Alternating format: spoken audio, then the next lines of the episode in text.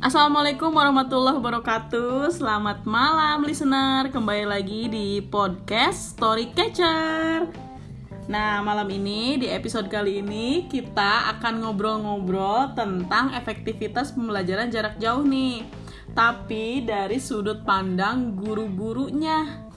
Selama ini kita sering dengar itu tentang PJJ tuh yang banyak ngomel, banyak ngeluh tuh kan orang tuanya. Nah, coba sekarang kita pengen denger nih gimana sih sudut pandang guru-guru tentang pembelajaran jarak jauh yang sudah berlangsung kurang lebih hampir satu tahun ini ya. Di sini saya punya narasumber itu ada dua orang. Ini guru cantik-cantik listener semua.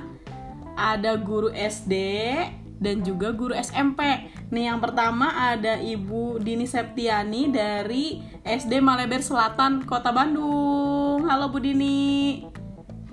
Halo, Assalamualaikum warahmatullahi wabarakatuh. Selamat malam. Waalaikumsalam, selamat malam. Nah yang kedua ada Ibu Puji Sahdianti dari SMK Pahlawan Toha Bandung. Halo Bu Puji.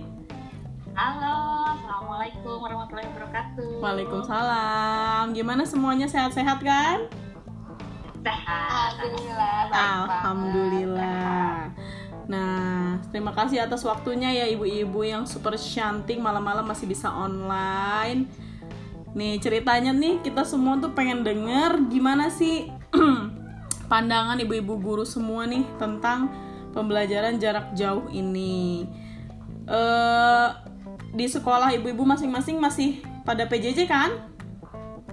Masih, udah selesai sih sebenarnya karena kan udah akhir tahunnya udah pembagian rapot kalau di SD Udah pembagian sama rapot. di SMK juga iya SMK juga sama tapi kalau di sekolah saya itu dibagi rapotnya hari Selasa jadi hari ini masih pengolahan nilai Oh, kalau SD udah udah bagi rapot.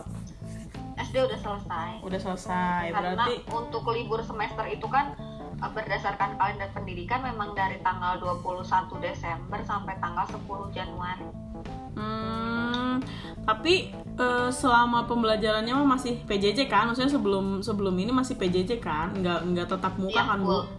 Full full PJJ ya? Full, kita full PDJ Oke, nah sekarang saya mau tanya dulu nih sama Ibu Dini. Ibu Dini tuh berarti ngajar di SD Malebe Selatan ya? iya Ngajar kelas berapa Bu Dini?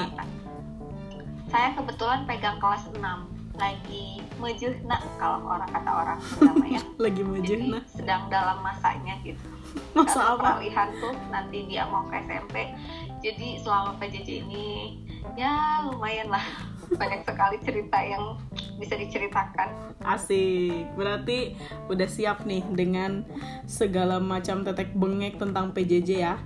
Nah, terus eh, Budin itu berarti pegang kelas 6 aja ya.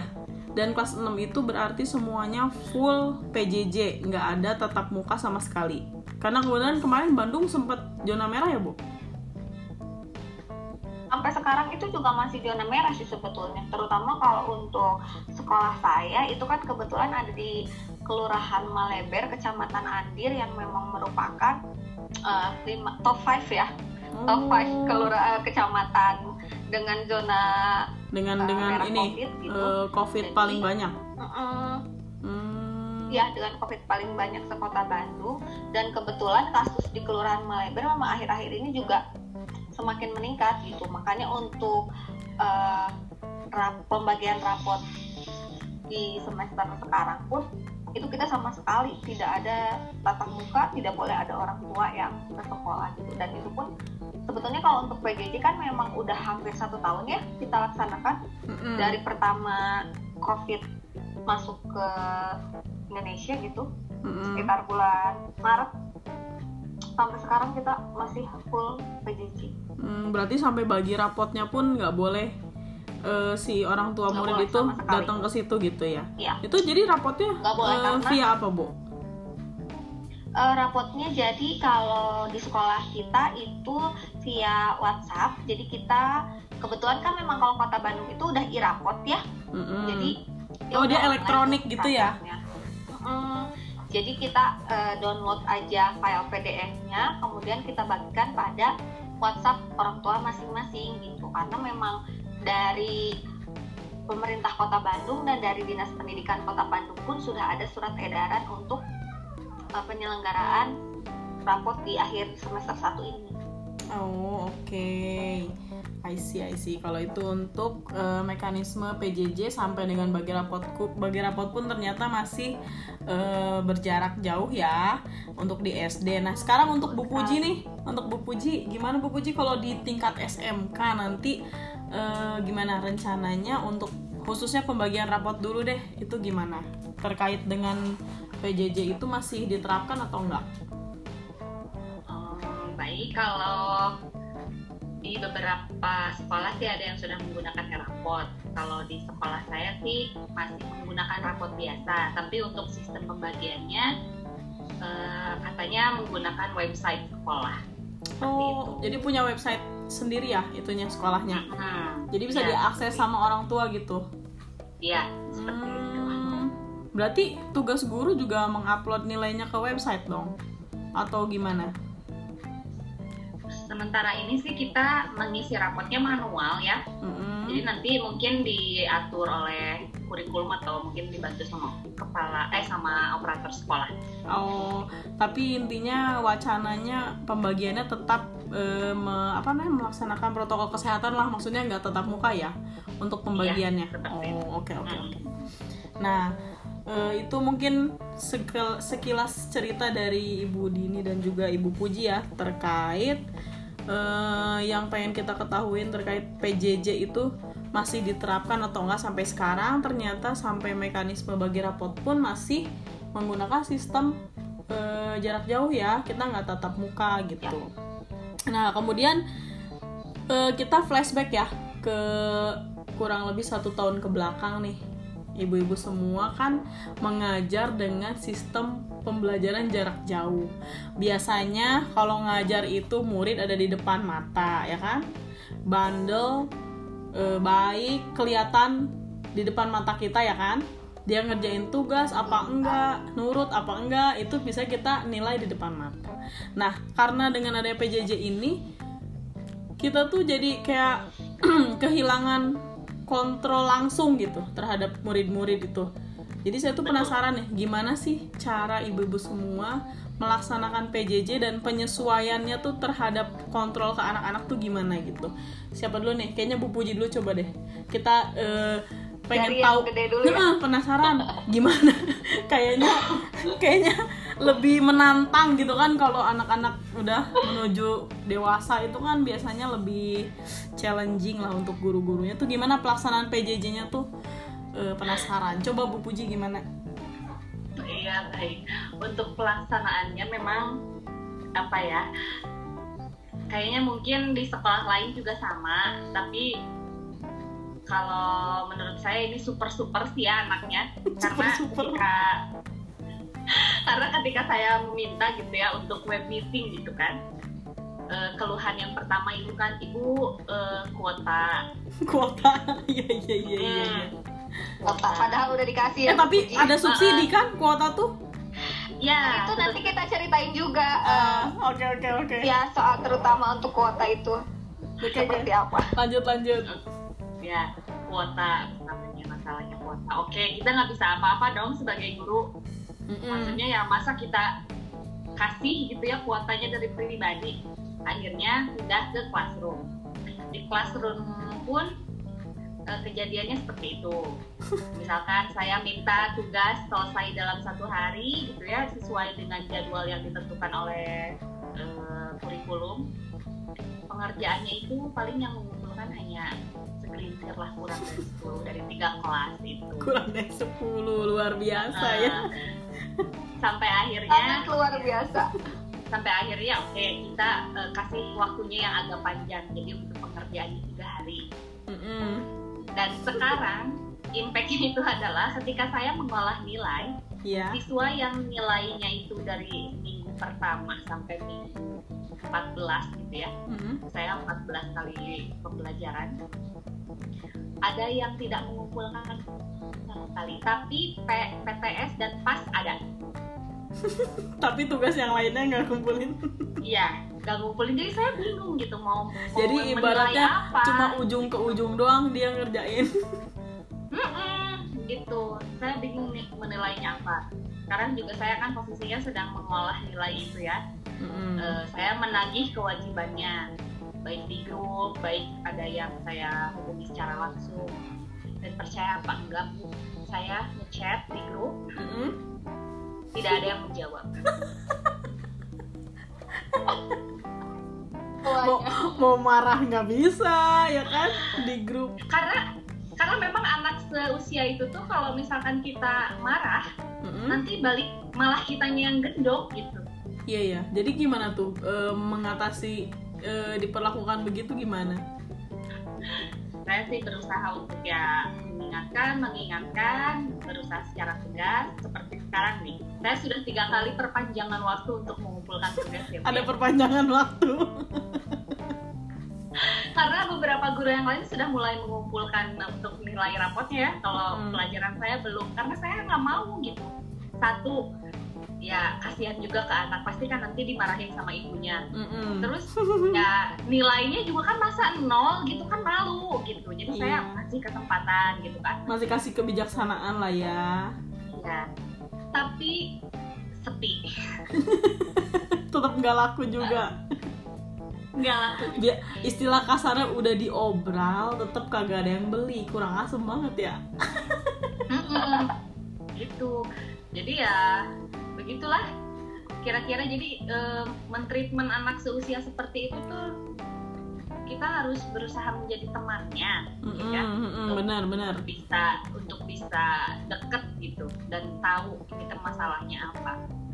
Tapi kadang kalau terlalu dekat juga anaknya ngelunjak. iya nyepelein ya Mm-mm. Mm-mm. saya suka dapat eh, ketika chattingan menagih tugas ya mungkin ada siswa yang bercanda tapi sayangnya lagi nggak mau bercanda akhirnya bete. Iya ya. manusia. Iya iya iya iya. Wajar lah.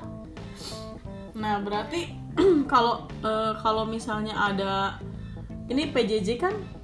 Mau PJJ mau enggak tetap ada namanya kalau dulu sih zaman kita sekolah kan standar kompetensi lah ya. Maksudnya kayak Iya. nilai dasar si anak itu untuk eh, lulus kasarnya itu Iya. ada standarnya kan. Nah apakah PJJ ini tuh ada relaksasi ada kelonggaran atau eh, ya pokoknya harus 6, di atas 65 atau di atas 70 mau jadi eh, mau dia ngumpulin mau enggak standar itu harus terpenuhi. Mau dia PJJ atau tatap muka standar tersebut harus terpenuhi. Itu masih masih kayak gitu masih berlaku nggak? Masih tapi dengan kurikulum darurat. Kalau di SD itu kan ada kurikulum COVID ya kurikulum Mm-mm. COVID-19 jadi oh jadi ada kurikulum khususnya bu? standar kompetensinya. Ya ada kurikulum khususnya. Jadi kalau yang biasanya eh, pakai kurikulum sama-sama kurikulum 2013 sama hanya memang si standarnya itu agak sedikit diturunkan tapi kalau untuk KKM itu masih sesuai dengan eh, KKM sekolahnya masing-masing gitu kalau kebetulan kayak di sekolah saya untuk eh, KKM-nya itu 70 jadi ya nilainya memang harus di atas 70 gitu. tapi dengan standar kompetensi yang diturunkan mengikuti dengan kurikulum COVID covid itu yang dibuat gitu. Hmm. Mm, gitu. tapi Seperti tapi tetap gapnya nggak jauh kan maksudnya nggak beda jauh kan dengan yang biasa kurikulumnya sebetulnya nggak beda jauh kita tetap tema ya kalau di SD itu Iya. tetap tema hanya memang tidak sedalam pembelajaran ketika kita tatap muka gitu jadi si materinya itu memang tidak terlalu dalam banget seperti sebelumnya gitu jadi kayak ada eh, apa ya namanya keringanan lah sedikit Keringanan, untuk ya Hmm, untuk kompetensi dasar selama PJJ ini. Soalnya kayak tadi kan yang diceritain Bu Puji ya. Jadi si siswa itu eh, banyak yang menyepelekan kan karena PJJ ini alah guru gue nggak lihat gitu kan. Alah gue nggak datang ini ke sekolah gitu kan. Jadi kayak dia tuh eh, nggak mau ngumpulin tugas nggak mau mematuhi apa namanya padahal itu buat nilai nilai diri- dia sendiri gitu kan. Nah akhirnya kan kita yang jadi guru itu eh, bingungnya berarti kan tetap ada standar walaupun diturunin. Sedangkan si murid ini tuh Ya, si murid ini kayak nggak ada usaha untuk mencapai standar tersebut dong. Berarti ini tantangan tersendiri dan juga kendala kan untuk guru ya. Di Iya, kalau penilaian untuk penilaian ya kelas. untuk penilaian. kan. Oke noted ya udah.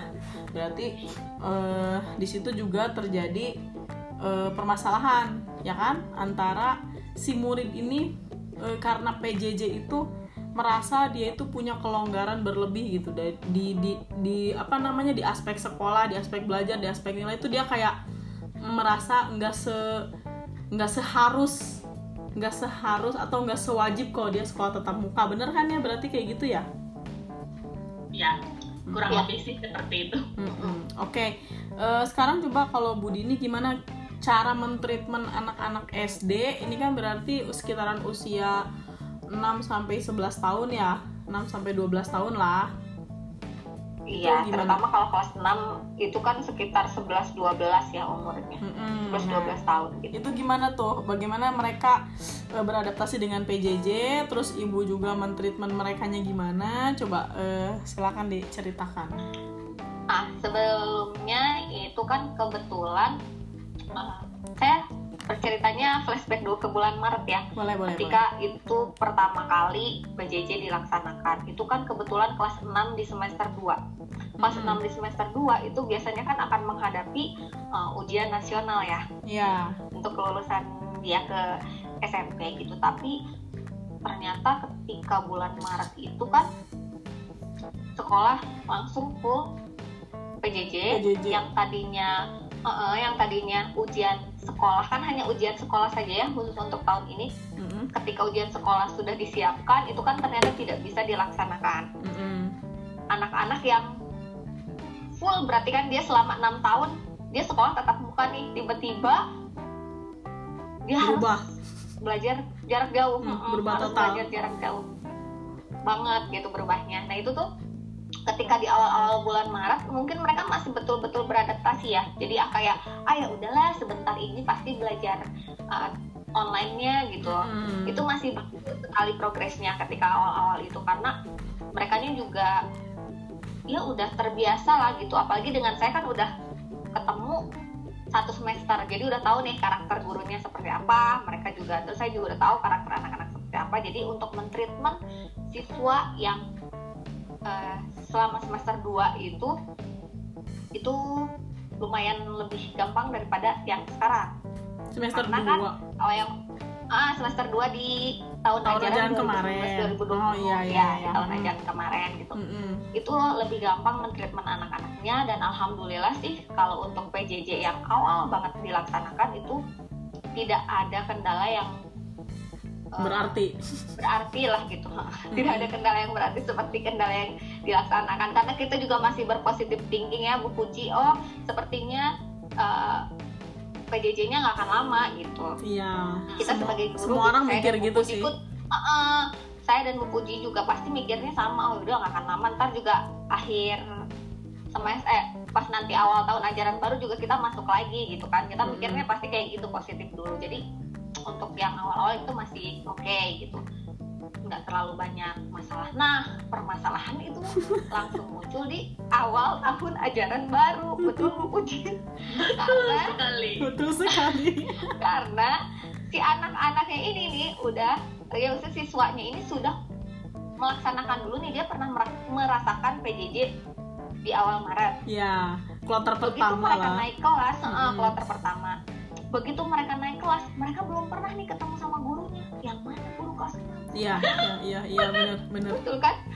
Saya nggak tahu guru kelas 6 yang mana. Saya nggak tahu ini eh, Bu Dini itu seperti apa. Saya nggak tahu. Anak-anak itu masih nggak tahu gitu. Iya, iya.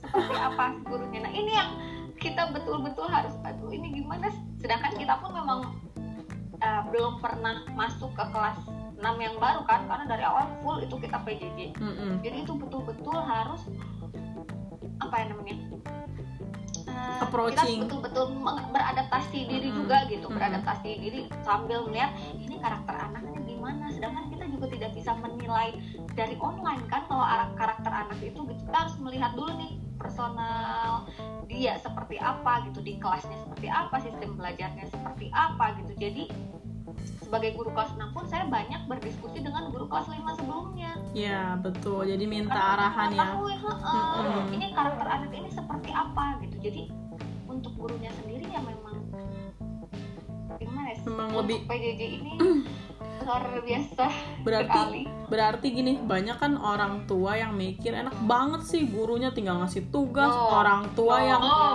ya ya ya, ya, ya kan nih kita sampai ada anggapan kayaknya eh, guru tuh makan gaji buta Iya, ya selama makan gaji buta, benar. salah oke sekali. sekarang kita Salah kita sekali. clearin gini.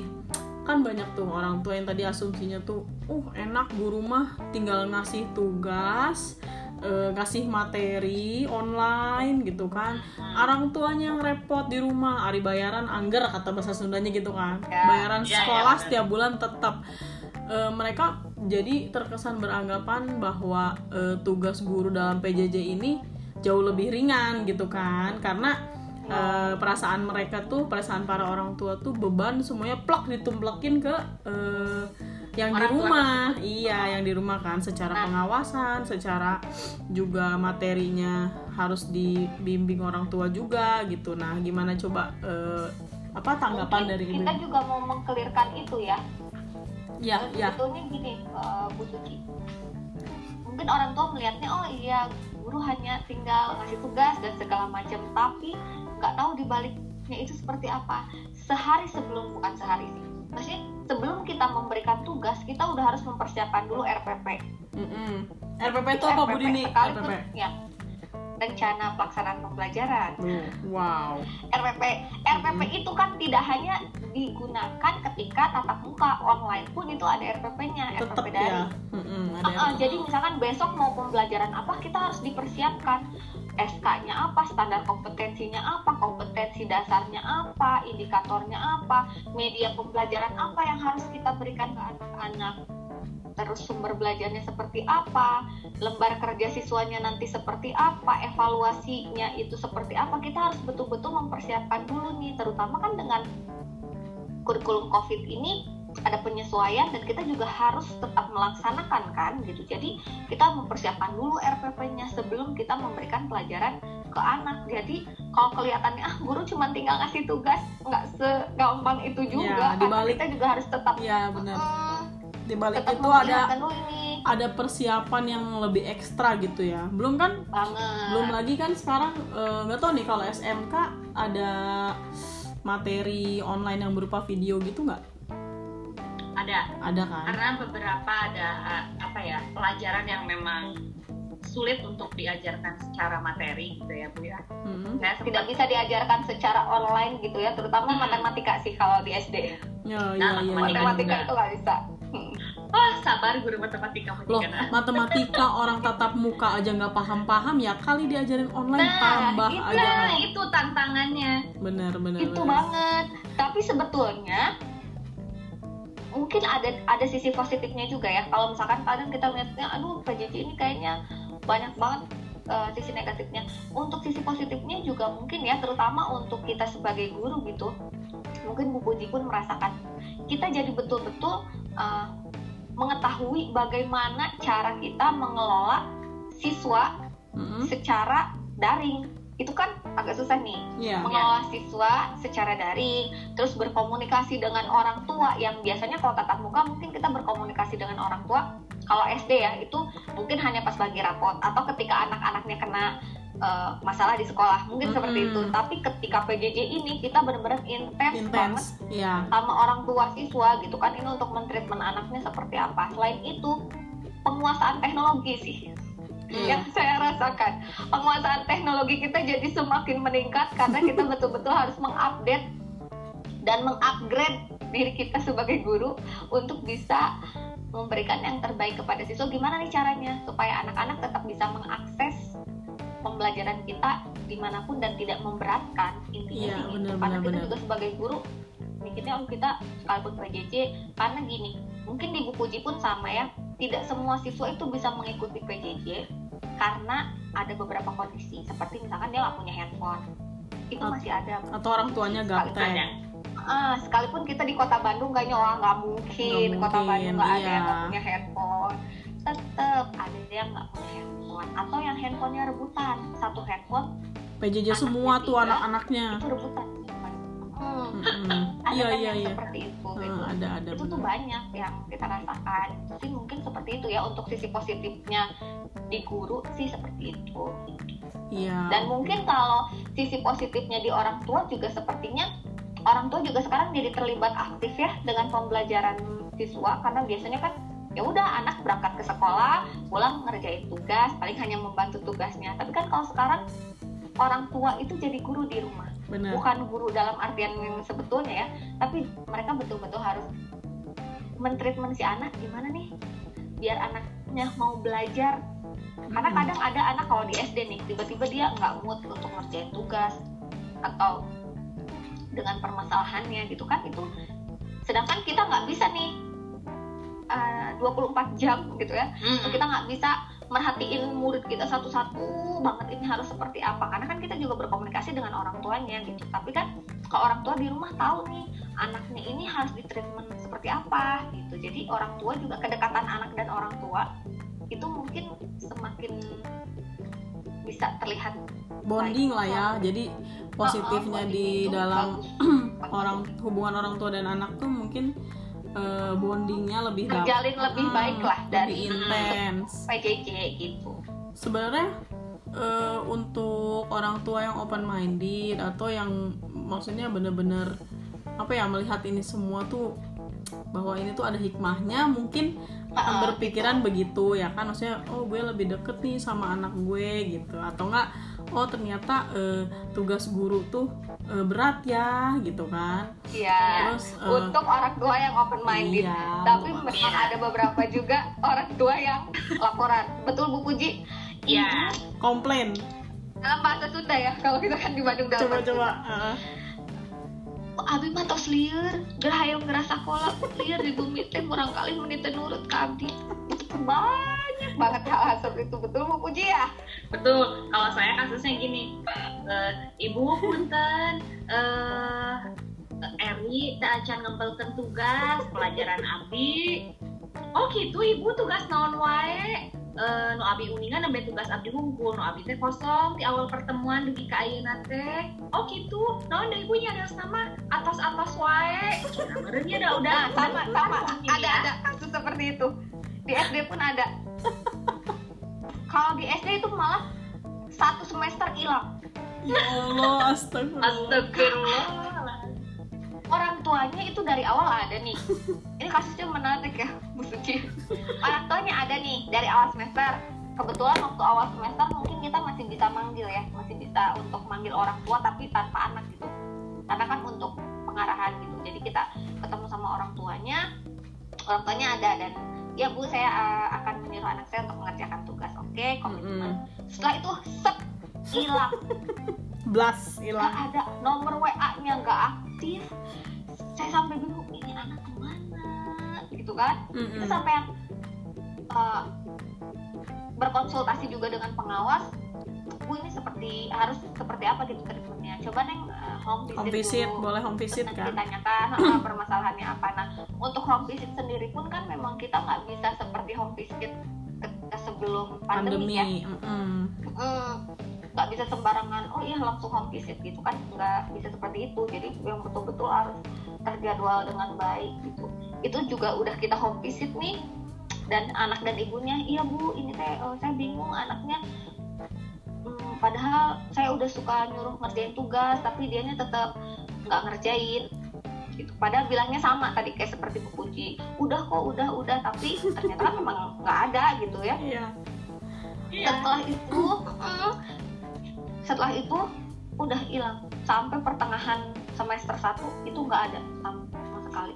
Jadinya kita yang harus aduh ibu ini gimana? Berkali-kali menghubungi orang tua gitu untuk bu ke sekolah ya gitu. Karena kita juga nggak bisa sembarangan pergi home visit gitu. Iya. Seperti itu sih banyak sekali kasus seperti itu. Dan hampir di semua sekolah itu ada.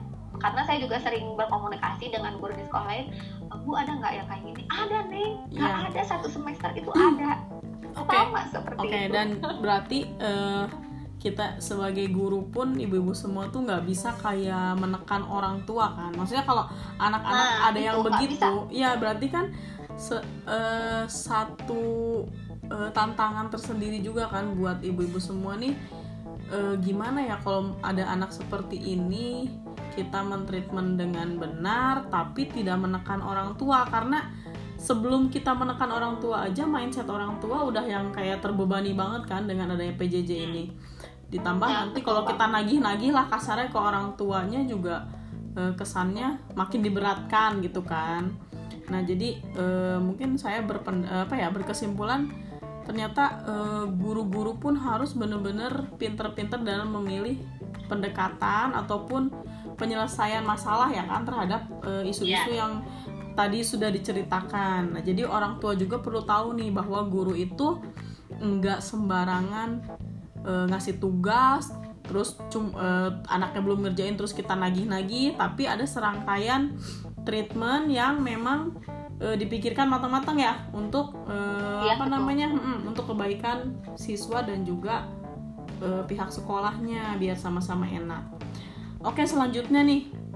Tadi kan udah sekaligus nih pelaksanaannya. Ternyata PJJ itu lumayan panjang ya untuk adaptasinya. Maksudnya sekali. panjang sekali. Panjang. Ini udah hampir setahun. bayangkan yang mungkin orang memikirnya ah cuman ngirim tugas aja ngerjain tugas Iya. ngirim tugas ngerjain tugas ngirim tugas hanya seperti itu Mm-mm. padahal luar Padahal biasa iya. prosesnya berarti kita tuh eh, baik orang tua siswa itu sendiri maupun guru dan juga eh, pihak-pihak terkait itu masih terus eh, mengembangkan eh, sistem pembelajaran yang terbaik bagi eh, para siswa ya selama pandemi ini gitu kan Iya betul. nah iya terus betul untuk kendala dan permasalahannya tadi juga sudah disampaikan sama Ibu Dini, sama Ibu Puji. Nah sekarang yang pengen saya dengar dari ibu-ibu sekalian tuh, jadi eh, apa yang kalian harapkan untuk sistem pembelajaran selanjutnya nih? Kan PJJ ini sudah satu tahun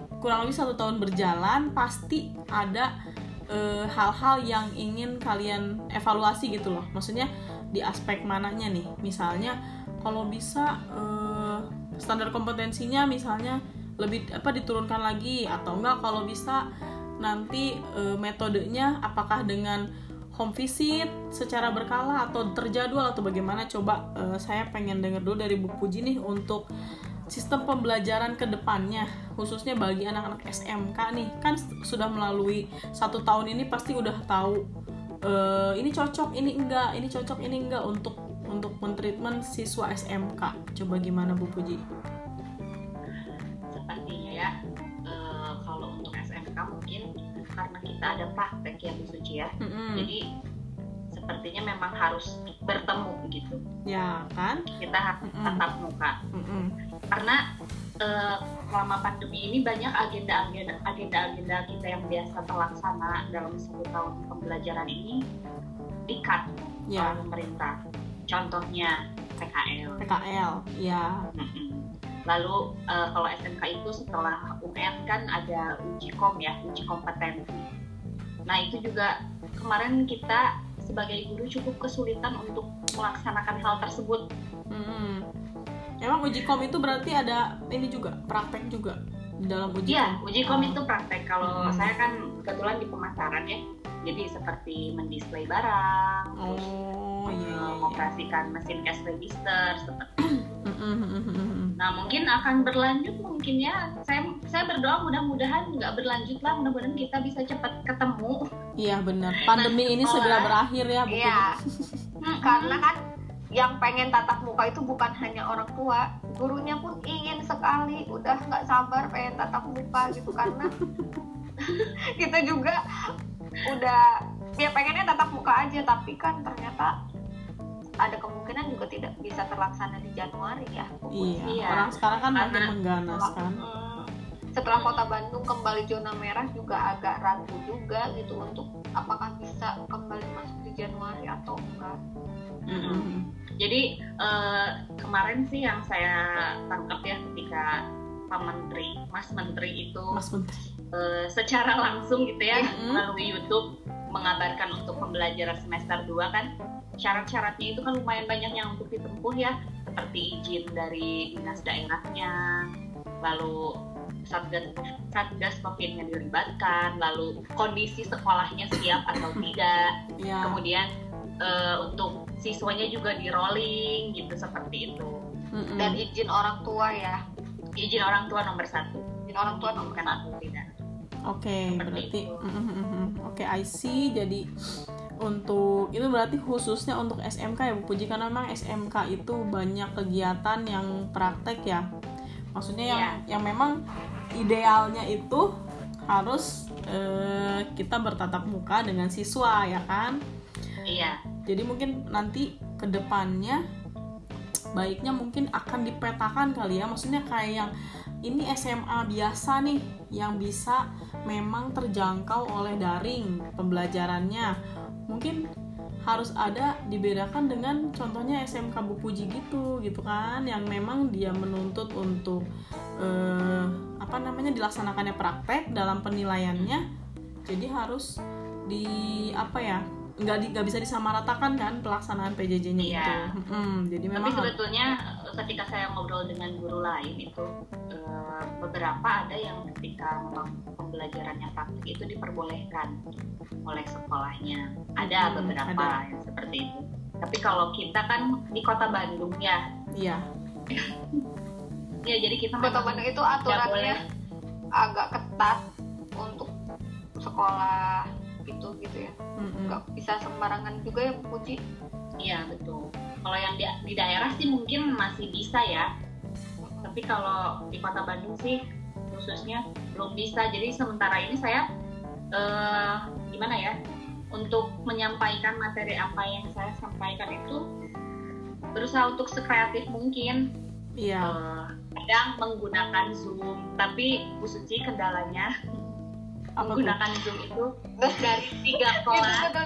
dimatiin semua kamera kameranya. No ya. buka. Kalau dimatiin bukan. masih oke okay ya. Kita ngundang jam berapa masuk jam berapa? Dari 33 murid yang masuk hanya 12 orang. ODSD iya saya juga tiga kelas dari tiga kelas itu kan berarti sekitar 80 lebih lah ya, ya itu yang masuk ke kelas itu hanya 17 siswa. Masya Allah, rajin-rajin okay. sekali ya. Oke, okay, nggak apa-apa gitu ya, mungkin terkendala kuota apa dan sebagainya. Positif thinking. Setelah itu, ya, setelah itu dalam pelaksanaannya, saya melaksanakan Zoom itu kan kayak melihat gitu, melihat ekspresinya gitu, mereka yeah. tuh ngerti apa enggak, apa yang saya sampaikan gitu ya. Mm -hmm. Kameranya dimatikan, Bu. Sudah kuduga kameranya dimatikan tuh itu walau alam sih di belakang kamera tuh mereka mungkin ada yang lagi tiktokan atau ada yang lagi main PS. Kalau anak SD lebih polos ya. Gimana uh, ketika tuh? pertama kali uh, uh, lebih polos untuk masalah zoom yang tadi. Ketika pertama kali mereka melakukan Google Meet kebetulan saya pakainya Google Meet. Ketika kita pertama kali Google Meet itu anak-anak kan nggak sadar ya hmm. mereka sedang on cam. Jadi ada yang lagi makan dulu. Kira-kira cina sarapan hela aku mah makan dulu gitu. Atau karena mereka aneh gitu ya. Karena mereka lagi ada di masa pubertas jadi sambil video call itu kadang mereka ngebenerin rambut ngaca gitu, gitu ya berasa ngaca itu uh, sambil berasa ngaca. Itu kalau anak SD mungkin masih sepolos itu gitu. Aduh masya allah ceritanya bener-bener ya. Coba sekarang nih Budini nih.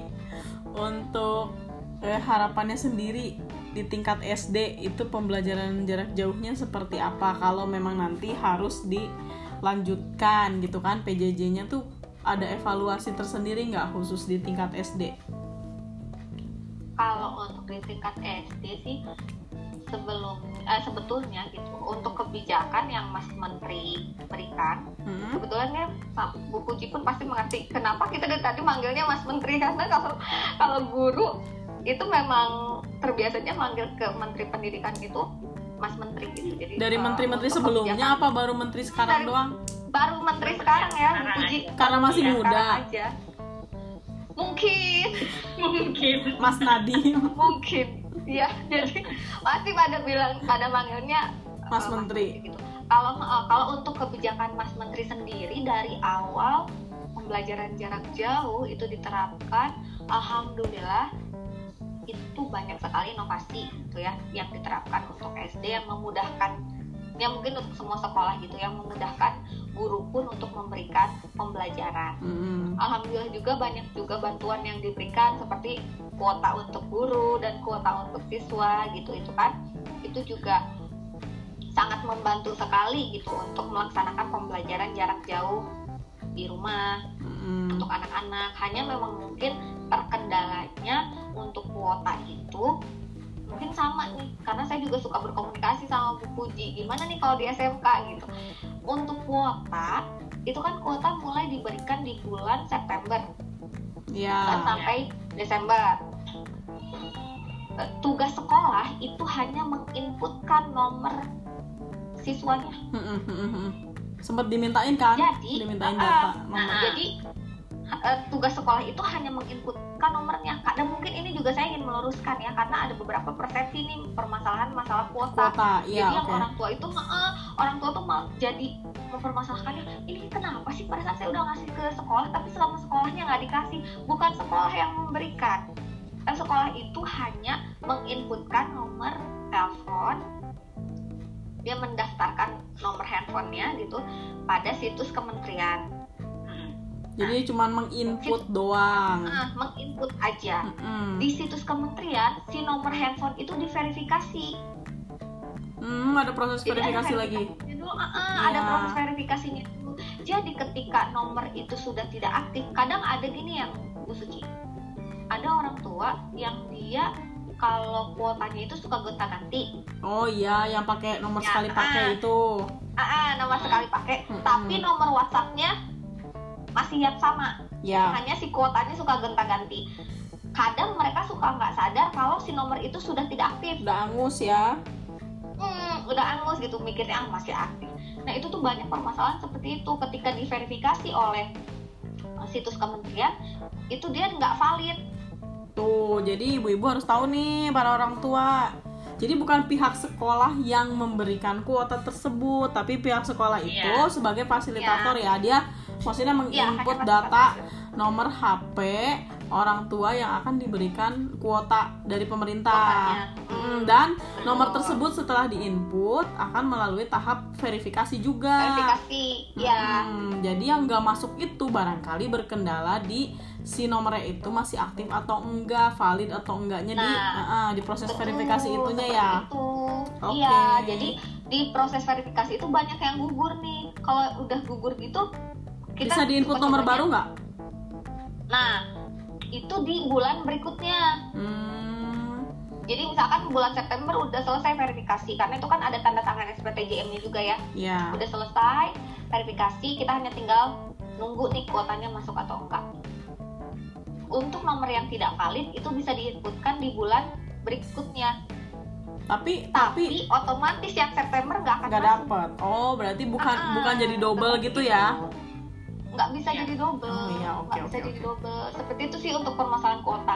Nah, untuk yang nomornya valid sendiri pun kadang ada yang kuotanya memang nggak masuk karena kita kebayang aja ya Bu Suci itu kan seluruh Indonesia nih server Mhm, mhm, mhm. kementerian itu semuanya menginput yang namanya sistem kadang ada Errornya. uh, errornya. Ah, ah. itu yang tidak bisa kita salahkan sepenuhnya juga gitu ya karena yang namanya sistem kita nggak bisa prediksi seperti apa gitu untuk kuota jadi dalam satu kelas pun nih kelas saya ada 33 orang yang rutin mendapatkan kuota dari September sampai bulan nah Desember itu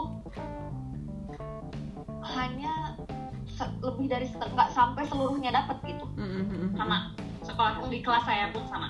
Nah, untuk gitu kan? untuk masalah kuota itu kalau misalnya ada orang tua atau atau orang tua siswa ya yang nggak dapet itu sekolah memfasilitasi mendata nggak? Maksudnya siapa aja nih yang dapet nanti gue laporin gitu kan ke gitu? Iya. ada nggak? selalu sih selalu seperti itu. Karena ketika kuota masuk itu kan berbarengan ya Mm-mm. jadi yang guru masuk yang siswa juga masuk. Oh guru juga ada ya? saya ngecek guru ada. Oh guru ada juga. Guru juga masuk. Alhamdulillah. Ya makanya alhamdulillah banget sih kalau untuk kebijakan mas menteri masalah kuota itu bisa teratasi ya Mhm, kalau untuk kuota gitu. Itu kalau jadi ketika kita masuk nih kuota masuk ke nomor handphone guru kita pasti langsung ngecek kalau saya sih langsung ngecek ke grup WhatsApp dan ya ke grup WhatsApp kelas 6 siapa aja kuotanya yang udah masuk jadi nanti Ya. mereka akan melis oh saya bu alhamdulillah udah masuk yang belum masuk siapa untuk dilaporkan di bulan berikutnya gitu Hmm, Oke, berarti Itu sih. sebenarnya secara umum eh, udah dioptimalin banget ya. Maksudnya dari Hmm, betul. Dari- dari- kalau sama sekolah Mm-mm. sudah kita usahakan sekali gitu untuk permasalahan kuota ini tapi ya kembali lagi sistem Iya benar. Kita nggak bisa mengontrol sepenuhnya ya. Oke, iya. jadi eh, kalau untuk kebijakan eh, seperti itu sama kalau mungkin yang tadi ya untuk harapannya kalau di kota Bandung sendiri sih alhamdulillah untuk perma- eh, PJJ-nya untuk fasilitas PJJ-nya untuk dari treatment dari dinas pendidikannya itu sangat memudahkan sekali siswa-siswanya dan orang tua siswa jadi mungkin dikembalikan lagi ke orang tua siswanya. Kita sudah memberikan kemudahan nih.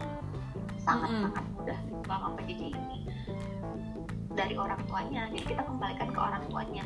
Kalau Jadi- saya seperti itu sih gitu. Untuk harapannya lebih karena uh-uh. hmm, lebih, lebih ke kompak lah. Ya ya kompak. gitu. Bersinergi, bersinergi. orang tua itu Nah, hmm, kita betul-betul bekerja sama untuk anaknya gitu. Karena ya memang itu kita tidak bisa mengontrol sepenuhnya jadi betul-betul kita antara guru dan orang tua itu harus bisa bekerja sama demi anaknya karena untuk kemudahan untuk uh, fasilitas gitu yang diberikan oleh Kementerian dan Dinas Pendidikan itu sudah cukup optimal lah, optimal Iya, lah ya. Udah udah dioptimalkan. kalau untuk di kita ya yang di kota Bandung tapi Mm-mm. kan kalau misalkan untuk di beberapa daerah misalkan ya Bu Suci itu kan beda lagi ya Ya, permasalahannya gitu itu kan kalau untuk di mm-mm. kota Bandung sendiri mm, untuk di kota Bandung sendiri kan ya untuk sinyal gak susah ya Ya. sinyal kita kuat. bisa wifi di mana-mana gitu ya Tentunya. Eh, terjangkau lah gitu beda mungkin dengan yang ada di daerah seperti saya berbagi cerita dulu ya Ya boleh boleh boleh boleh boleh boleh. boleh. Ini kebetulan saya pun ah, berbagi cerita gitu dengan teman sesama guru yang dari ah, Aceh dan NTB Labuan Bajo gitu. Mm-mm. Kalau yang di? Aceh, ah, jadi kalau yang di Aceh nih, ketika dilaksanakan full PJJ mau nggak mau harus mengikuti ya Iya. PJJ ini sistemnya seperti apa. Permasalahan pertama itu headphone. Jadi karena eh, rekan saya di sana itu tinggalnya mungkin kalau yang kita tahu oh di Aceh itu pasti mungkin kota. Tapi kan di Aceh itu ada beberapa pulau kecil ya. Mm-mm. Dan kebetulan rekan saya tinggal di salah satu pulaunya yang kalau dia ke kotanya itu harus beberapa hari Masya Allah. Ya, jadi dia harus beberapa hari kalau untuk mencapai kotanya sendiri. gitu. Mm-mm. Di sana sinyal itu nggak ada, Gak ada sinyal sama sekali. nggak ada. Dan sinyal itu harus harus mencari gitu. Bahkan ada teman saya di daerah saya nggak ada sinyal bu, jadi saya harus ke kota untuk mencari sinyal. Astagfirullah. Gitu. Jadi harus ke kota mencari sinyal gitu. Nah untuk permasalahan itu ya dia harus mencari sinyal nggak ada sinyal. Terus orang tua nggak ada handphone. Sampai saya nanya jadi bu treatmentnya seperti apa? Saya datangi rumah siswa setiap hari. Saya kasih fotokopinya setiap hari ke anak karena kalau nggak kayak gitu mau belajar sih gimana nggak ada handphone Nah, lagi-lagi teman saya sampai seperti itu lagi-lagi berarti apa namanya? Salah satu perjuangan besar guru tuh yang orang tua harus tahu ya. Tuh, Iya jadi sampai seper- sebegitunya gitu harus fotokopi. Pokoknya setiap hari itu mendatangi uh, rumah orang tua untuk ngasih fotokopian soal itu untuk yang di Aceh.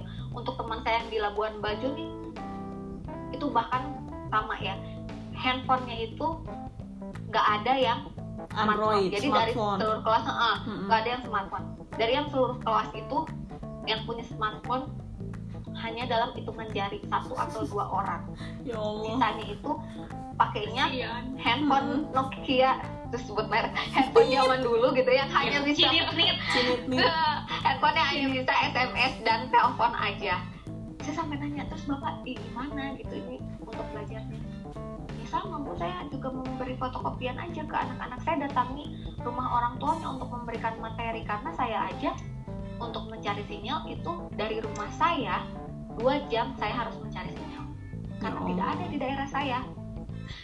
Dan saya pun kalau di sekolah ya hanya bisa sampai sore. Karena kan dia perjalanan dari rumah ke sekolahnya itu dua jam. Untuk mencari sinyal itu dua jam. Dan hanya di sekolah aja sinyalnya. Seperti itu sih kalau untuk Perjuangan daerah yang mungkin memang mm, tidak banyak orang tahu ya. Mm-mm. jadi kendala PJJ jadi itu untuk seperti itu. jadi untuk bahan apa ya maksudnya renungan para ya orang tua ya guru juga maksudnya kayak kita tuh masih sangat dimudahkan banget ya kan. Khususnya Iya, kayak di kota-kota besar nih kayak kita nih di Bandung misalnya. Eh, atau di Cirebon sendiri ya. Ah, di Cirebon di pasti kan. Bandung Jakarta gitu. Maksudnya pembelajaran jarak jauh tuh sebenarnya nggak nggak apa ya namanya nggak harus jadi kendala yang bener-bener kayaknya besar banget gitu. Iya. Ya kan? Iya. Sementara di daerah lain tuh untuk cari sinyal aja harus berhari-hari harus dua jam. Harus berjam-jam Ah, ah, dua jam eh, jalan ke kota gitu kan. Jadi eh, untuk bahan renungan bahwa sebenarnya dalam PJJ ini kesuksesan atau tidak suksesnya PJJ ini ya sinergi antara orang tua kemudian guru dan juga si anak siswa itu sendiri kan? Wah, iya. Iya betul sekali betul. benar. Jadi eh, apa namanya secara umum sih kalau saya tarik kesimpulan sebenarnya PJJ ini sudah berjalan cukup baik ya khususnya di kota Bandung yang memang tadi Bu Dini dan Bu Puji sampaikan kendalanya pun termasuknya kendala minor lah bukan yang sampai bener-bener mengundang iya apa sih betul. namanya gerakan orang tua yang sampai gimana banget. Hanya segelintir aja kan. Iya.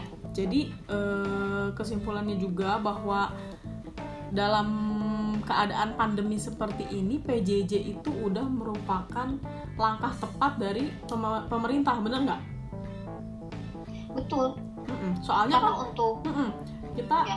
sekarang nih tren COVID kan naik terus kan, bener nggak? Tren COVID naik terus dan menurut menurutku mah pemerintah itu udah eh, dengan menerapkan PJJ dengan terus berinovasi tadi yang eh, Mas Menteri lakukan gitu kan Iya. berarti memang action dari pemerintah itu eh, cukup tanggap juga gitu kan. Iya sudah sudah berusaha memberikan yang terbaik. Mm-mm. sudah maksimal sih mungkin yang mereka berikan gitu ya. Iya. Kembali ke kitanya sebagai guru dan orang tua. Mm-mm. kalau saya sih mungkin punya pandangannya PJJ efektivitas PJJ itu akan terlaksana dengan baik. Akan sangat efektif sekali ketika guru orang tua dan siswa saling bersinergi. Karena Bersinergi, itu iya. nggak ada lagi betul betul. Itu intinya. Jadi tadi saya sampaikan bahwa pemerintah udah maksimal. Guru pun dibalik stigma para orang tua yang katanya gaji buta dan lain-lain ternyata perjuangannya berat banget ya kan? Terus juga kita kita juga harus sangat-sangat respect kepada para orang tua yang memang jadi eh, berusaha lebih keras di rumah gitu kan. Apalagi ibu-ibu yang tadi mungkin anaknya lebih dari satu yang sekolah handphonenya rebutan dan lain-lain. Ya. itu kan juga harus kita apresiasi mereka gitu kan. Nah untuk anak-anaknya sendiri mungkin eh treatment yang kita berikan juga nggak bisa pengen pring langsung merubah merubah Ya. attitude mereka kan. Maksudnya karena mereka juga masih kayak shock culture shock gitu kan tadinya belajar tetap muka sekarang harus PJJ yang tadinya eh, maksudnya sekolah itu dari jam 7 sampai misalnya jam 2 full nggak pegang HP dia belajar. Nah sekarang full megang HP mungkin akan ada terjadi miss di situ di mana dia tadinya buka-buka pelajaran jadi ke playset main game dan lain-lain. Itu kan Iya. bisa juga Karena terjadi. mungkin karena mungkin gini bu eh, mindsetnya anak di rumah itu ya dia untuk istirahat ya kalau benar di sekolah kalau di sekolah kan misalkan guru memberikan tugas nih Mm-mm. mengerjakan Mm-mm. nah dia juga jadi ingin mengerjakan tapi kalau di rumah kan mungkin kalau untuk SD ya ada Iya. orang tuanya ah, biarin aja mama yang ngerjain gitu. iya benar Main, benar benar benar betul banget Bener. banget banget Emang bener kalau anak SD itu kalau dikasih tugas pasti orang tuanya yang sibuk telepon sana sini. Cek cek ibu eh, Iya. anak kamu udah ngerjain belum, anak aku belum dan lain-lain kan jadi dia yang riweh gitu kan. nah, itu itu Iya, betul benar sekali. sih. Jadi eh, sekalian penutup aja nih berarti menurut ibu-ibu semua dan juga tadi kesimpulan yang saya ambil bahwa efektivitas pembelajaran jarak jauh ini sudah lumayan efektif lah ya di dibarengi dengan berbagai evaluasi dan juga perbaikan-perbaikan dan inovasi yang diberikan sama eh, pihak Kementerian Pendidikan. Ya kan dari Kemdiknya juga sudah terus melakukan eh, pergerakan untuk menuju PJJ yang paling eh, baik nih bagaimana nih gitu kan jadi untuk efektivitasnya sendiri sudah lumayan bagus hanya saja tinggal e, meningkatkan apa sinergitas ya antara orang tua, guru dan juga siswa gitu ya Bu Dini dan Bu Puji ya. Ya, ngelag. Ngelag ya. ya gitu ya, bener kan? Ya jadi Ya. tinggal antar sinergi antara Ya, orang sinergi. tua guru dan siswa gitu sih Oke. untuk efektivitas PJJ Harus saling menguatkan lah Benar benar benar benar. Dan bekerja sama sih intinya gitu mm, mm, mm, mm. kita bekerja sama jadi aja, jangan ya jangan saling mendiskreditkan guru. Iya. Maksudnya kayak nah, nggak gitu. respect sama orang Karena- tua. ya, orang tua juga karena sering kita pun mengerti nih Mm, kita pun pasti mengerti orang tua itu di rumah tugasnya bukan hanya mengajari anak ya kan? Iyalah, banyak juga pekerjaannya gitu. Benar. yang dibalik itu kita juga sangat mengerti. Bahkan sampai ada beberapa orang tua yang curhat bu udah saya nggak ngerti pelajarannya seperti apa. Bu udah saya bukan guru saya nggak ngerti. Ini saya harus gimana? Itu juga sangat sangat mengerti gitu. Makanya kita berusaha untuk memudahkan sekali pembelajaran yang diberikan tidak lepas dari KKM tapi ya kita memudahkan sekali untuk mengaksesnya dan segala macam. Sekarang tinggal orang tua dan sis guru gitu. Saling Mhm. lebih lebih sering berkomunikasi. Ya. karena memang ada beberapa kasus juga kenapa bisa sih PJJ itu nggak efektif ya? Karena antara komunikasi antara guru dan orang tuanya nggak nyampe gitu. Jadi ka- ada ada nih satu kasus lagi yang agak menarik terakhir ya. Iya, iya, sebelum iya, ini kasusnya cukup menarik karena jadi ada siswa yang selama eh, PJJ-nya nih kita berkomunikasinya dengan uaknya. Kalau di Sunda uak uaknya kakak. Iya. kakak dari ayahnya berarti ya. Kita berkomunikasinya sama uangnya nih. Eh, ya bu karena ini anak memang sama saya diurusnya gitu ya sama saya diasuhnya. Jadi saya yang bertanggung jawab sepenuhnya tapi begitu ada permasalahan nih kita kan pasti panggil orang tuanya gitu ya ke sekolah. Kita panggil orang tuanya ke sekolah. Yang datang itu bukan yang bersangkutan. Tapi? Tapi uaknya yang lain. Yang tidak berkomunikasi dengan kita. Jadi bingung ini saya tuh harus gimana? Kan saya butuhnya sama uak yang mengurus tapi dia selalu mengutus orang lain gitu ke sekolah nah yang seperti ini sih yang lain. iya gitu ini jadi miskomunikasi jadi menyulitkan Antara- untuk apa namanya? menyulitkan kita juga untuk memberi treatment seperti Iya itu benar benar benar. Ada lagi ya kisah kayak gitu ya Allah. Mang- banyak Terus ada satu lagi. panjang Coba coba Bu Puji. Ada Terakhir, satu lagi.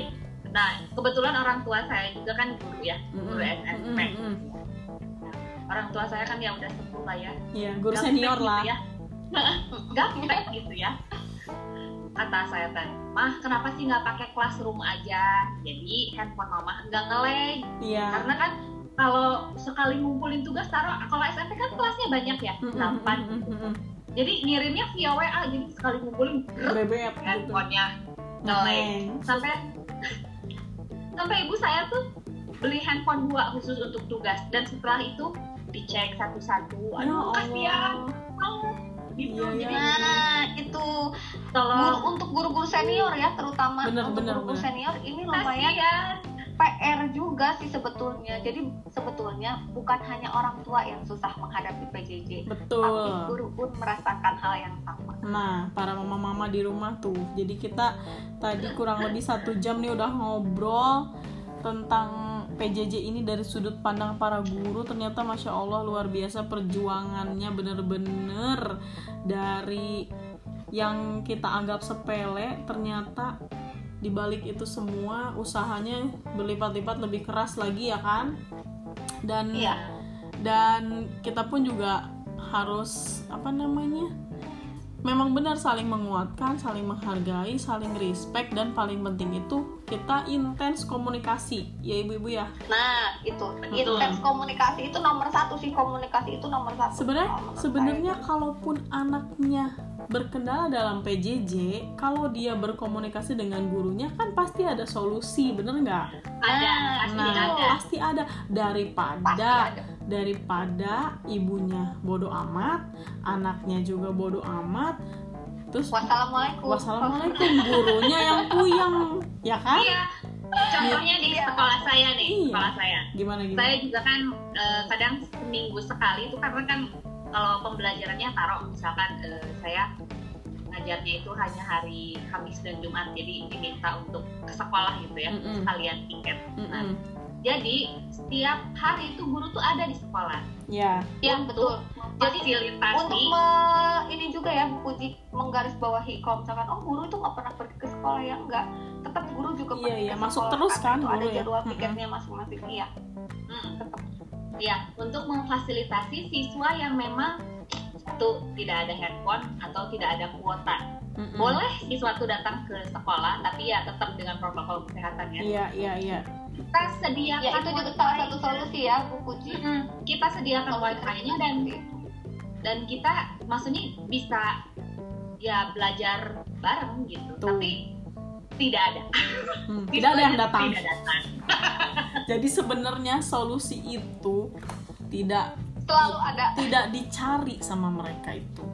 Jadi Iya. maksudnya kayak hmm, stuck di situ karena ya itu mungkin malas berkomunikasi, mungkin segan atau mungkin juga menganggap enteng gitu kan.